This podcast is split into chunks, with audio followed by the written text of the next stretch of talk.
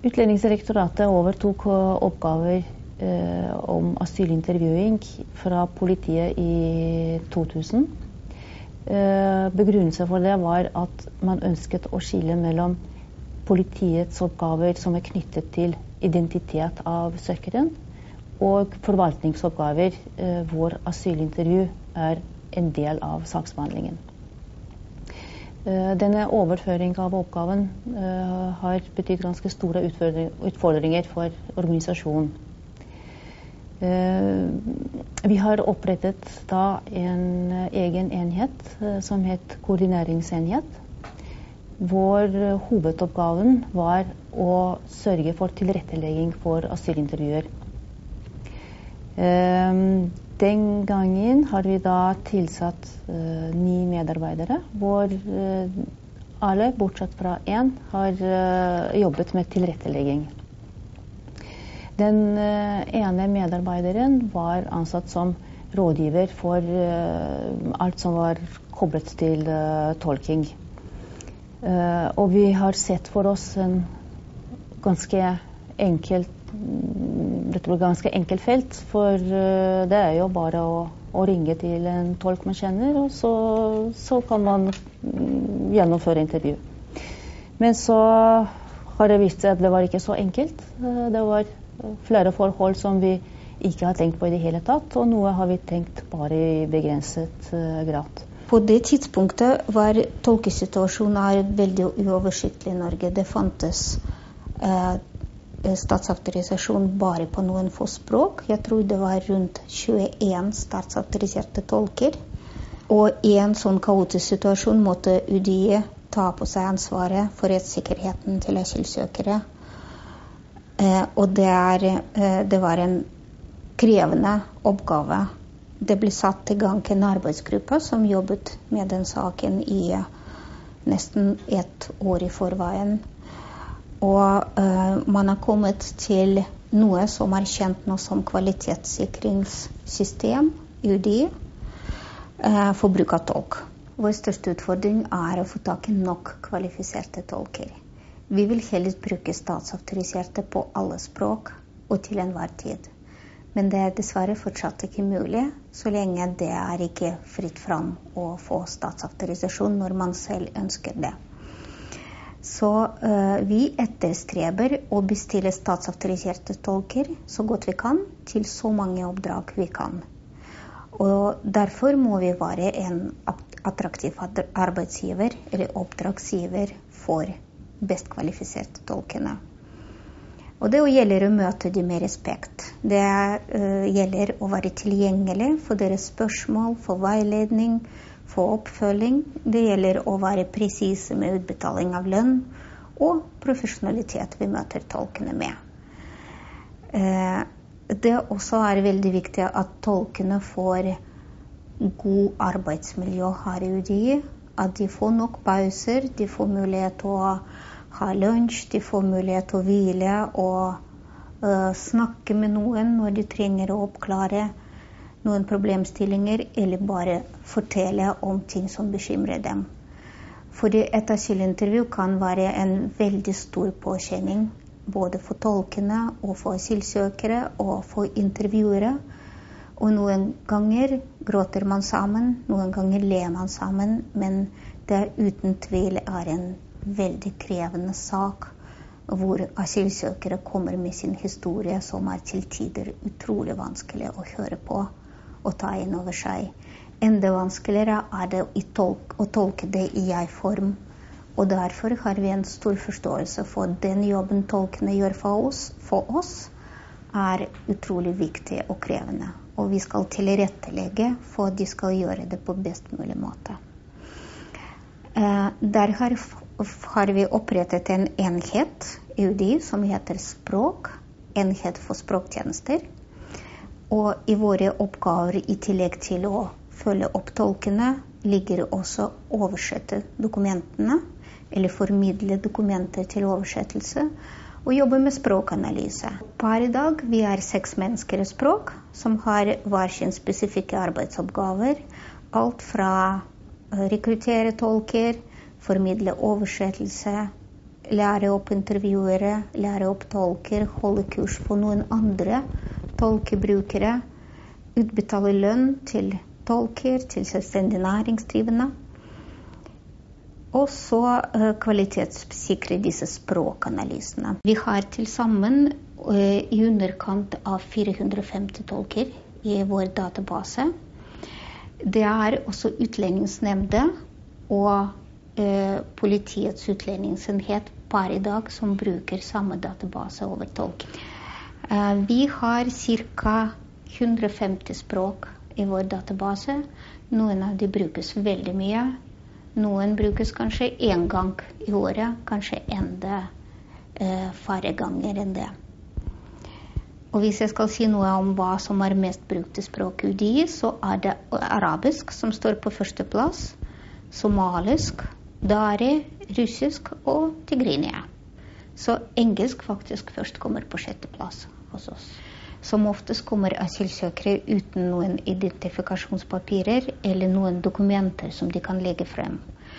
Og eh, da blir deres egen fortelling om hva de har opplevd, grunnlaget for det som, vurderer, som vi vil vurdere som grunnlag for asyl eller ikke. Det er derfor tolkingen i asylintervju er utrolig viktig.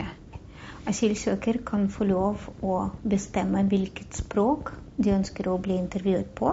De selv bestemmer eh, hvilken dialekt, hvis det er dialekt av et språk. Og så kan, kan de i tillegg ønske seg enten kvinnelig eller mannlig tolk. Det er pga. hva slags historie de kommer til å fortelle. Men de kan ikke velge tolk eh, bort på bakgrunn av etnisitet, f.eks. De kan ikke ønske seg en tolk av bestemt religion eller politisk oppfatning. Fordi for det første, det er såpass sensitive opplysninger at vi ikke har de om tolkene. Vi vet ikke hvor tolkene befinner seg på den politiske skala eller religiøse skala.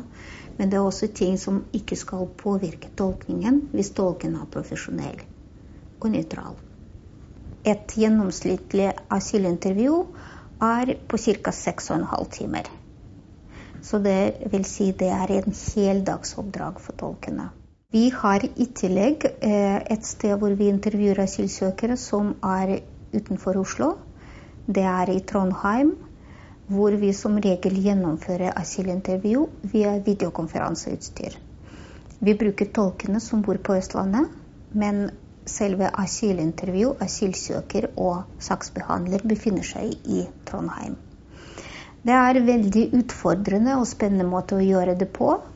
Og det er jo klart at vi vil helst ha fremmøtetolking, men når vi ikke får det til, så må vi ta i bruk eh, teknologi. Og da er videokonferanse en veldig bra erstatning. Vi praktiserer veldig lite telefontolking i UDI, fordi vi mener at det er ikke god måte å tolke på. Det er vanskelig. Det er, man kan ikke lese kroppsspråket. Og man kan ikke foreta lange samtaler som vi pleier å foreta via telefon. Dette har med utfordringer én ting å få tak i eh, best kvalifiserte tolker, men også til tider må vi få tak i mange nok tolker. Fordi hvis asylankomster plutselig skyter i været, så har vi ikke nok tolker i Norge, ikke nok kvalifiserte for å kunne ta unna alle asylintervju. Så vi hadde perioder hvor vi faktisk måtte nærmest annonsere på NRK at vi trenger tolker i bulgarsk, f.eks. Når vi har fått innstrømming av asylsøkere fra Bulgaria. Og da er det veldig viktig at kvalitetssikringssystemet fungerer som det skal. At de menneskene som får lov å tolke UDI, faktisk gjør den jobben som vi forventer de skal gjøre. At de skal være nøytrale, og de skal oversette og tolke alt som sies uten å blande seg i. UDIs kvalitetssikringsprogram omfatter både uh, tolkene og uh, tjenestepersonene. Kvalitetssikringsprogrammet er utarbeidet slik pga. at vi mener at uh, tolkebrukerne trenger å ha like mye kompetanse når det gjelder kommunikasjon via tolk, som tolkene, spesielt når det gjelder begrensninger og muligheter uh, en slik kommunikasjon innebærer. Vi har for våre intervjuere seminarer hvor de lærer om tolkens ansvarsområde. Og hvor de lærer om forskjellige utfordringer som tolkene kan møte i en asylintervjusetting. Når det gjelder tolker, så har vi eh, en del kvalitetssikringstiltak. Eh, det viktigste eh, kvalitetssikringstiltaket er det at vi bruker tolker som er utdannet, som har de beste kvalifikasjonene, og at vi prioriterer disse tolkene når vi fordeler oppdragene. Det som vi eh, gjennomfører videre, er at eh, til tross for at disse tolkene har statsautorisasjon og tolkeutdanning, allikevel hjelper vi dem å bli fortrolige med vår kontekst, slik at de kan jobbe på den best mulige måten. Vi vet at god tolking og tolkingens kvalitet påvirker også hvordan våre ansatte utfører jobben sin, og påvirker rettssikkerheten. For å ivareta rettssikkerheten til søkeren øh, prøver vi å tilrettelegge alt slik at vi har de optimale forholdene Eh, for at søkerne kan ha tillit til eh, tolkene og til våre saksbehandlere. Eh, våre tolker blir evaluert av våre intervjuere. Og det er derfor viktig at intervjuerne får tolkebrukeropplæring. Fordi der lærer de også om tolkenes yrkesetiske regler, om tolkenes ansvarsområde, og da er de bedre i stand til å evaluere tolkesituasjoner situasjoner og å evaluere uh, kommunikasjonen i den situasjonen, og om det var noe som hindret kommunikasjonen, og som skyldtes tolkingen. Vi har i noen tilfeller tatt lydopptak av intervjuene, og vi har sendt stikkprøver til våre eksterne språkanalyseleverandører. Dette har vi gjort også i tilfeller der tolkene har vært statsautorisert eller tatt tolkeutdanning, fordi vi mener at det er bra med slike stikkprøver for å bekrefte at tolkene forholder seg til uh, våre krav og til sine yrkesetiske regler. Etter uh, disse evalueringene som vi får fra våre intervjuere, uh, veileder vi tolkene. Og vi gir tilbakemeldinger til tolkene fortløpende. disse veiledningstimene med tolkene foregår vanligvis i form av dialog, hvor vi prøver å få tolkene til å reflektere over forskjellige utfordringer, finne fram til løsninger. Bli mer bevisste hva det å være en profesjonell tolk innebærer. Så vi investerer ganske mye i veiledning. og uh, er, uh, våre veiledningstimer er slike at tolkene kan komme med tilsvar det er ikke slik at de ikke får anledning å komme med uh, forklaringer eller å komme med sine meninger etter at uh, vi uh, tar opp de forskjellige tilbakemeldingene som vi får på dem. I tillegg til veiledning for tolkene har vi også forskjellige faglige aktiviteter som vi organiserer for dem. Vi pleier å ha to store tolkeseminarer i løpet av året. Hvor vi inviterer alle tolker uh, som er registrert i vår database, til å delta. Og etter behov så har vi forskjellige mindre seminarer, kanskje for bestemte språkgrupper, når vi vet at det er behov for å utarbeide terminologilister, eller eh, når det er behov for å diskutere forskjellige tema som angår kun eh, en språkgruppe. I løpet av disse år eh, har en av de største utfordringene når det gjelder kvalitetssikring av tolking i UDI, vært uh, dette med at vi ikke har utdanningstilbud i alle språk som UDI har behov for. Uh, vårt team, eh, Team for språktjenester, plikter å rekruttere tilstrekkelig antall tolker i de språkene som de har behov for eh, for å kunne gjennomføre asylintervju. Derfor har vi vært nødt til å uh, rekruttere personer som ikke har formelle tolkefaglige kvalifikasjoner. Og eh, vi har eh, også vært nødt til å utvikle et eget eh, opplæringsprogram for disse personene. Vi har forskjellige måter vi kommer i kontakt med dem på, men man kan ikke si at dette er akkurat personer som vi finner på gata, eh, slik eh, noen antar av og til. Dette er personer vi leter etter både via våre nettverk, universiteter, eh, via andre tolker.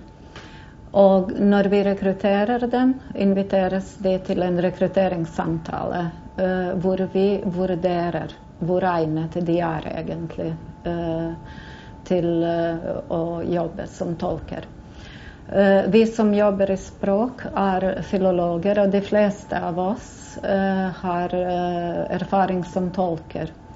Og det er veldig viktig nettopp pga. at det er vi som skal vurdere hvor egnet noen andre er til tolkejobben.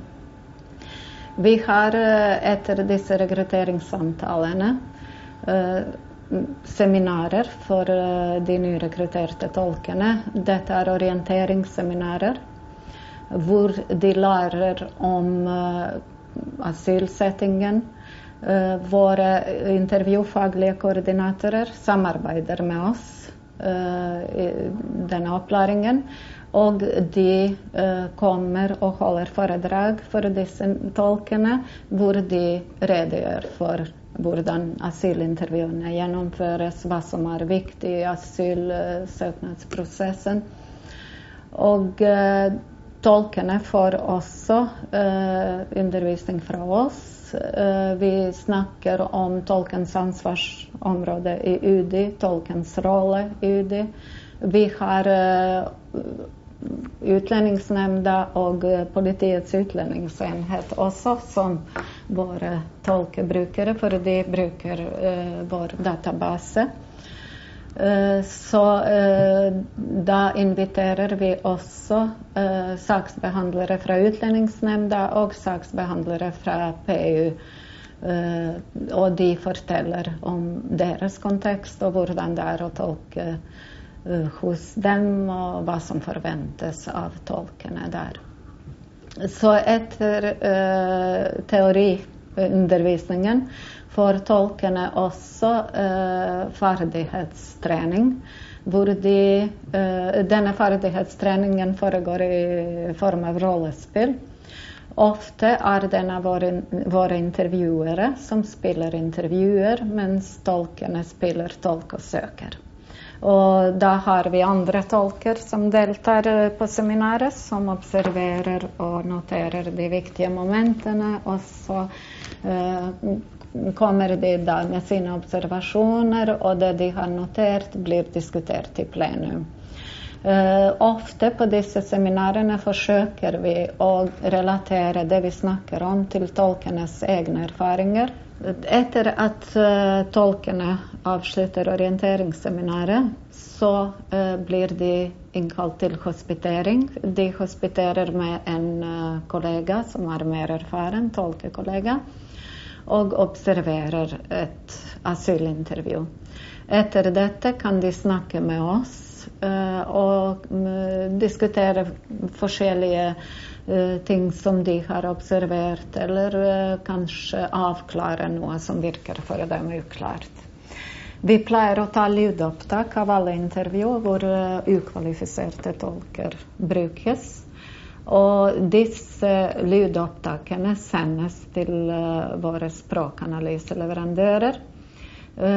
Vi pleier å ta disse opptakene spesielt under de første intervjuene, fordi vi ønsker å vite så fort som mulig hvor gode språkferdigheter tolkene har på tolkespråket. Og derfor uh, er det veldig viktig både at vi forsikrer oss om at de har tilstrekkelige språkferdigheter, samtidig som vi uh, påser at de ikke får krevende intervju med det samme, at de ikke tolker under veldig krevende intervju. Vi pleier å oppfordre våre tolker å ta utdanning så fort vi hører at det tilbys tolkeutdanning i deres språk. Og uh, det er vårt ønske at uh, vi skal få tolkeutdanning uh, i de fleste språkene, slik at vi kan ha mer tillit til de tolkene som vi bruker ved asylintervjuene.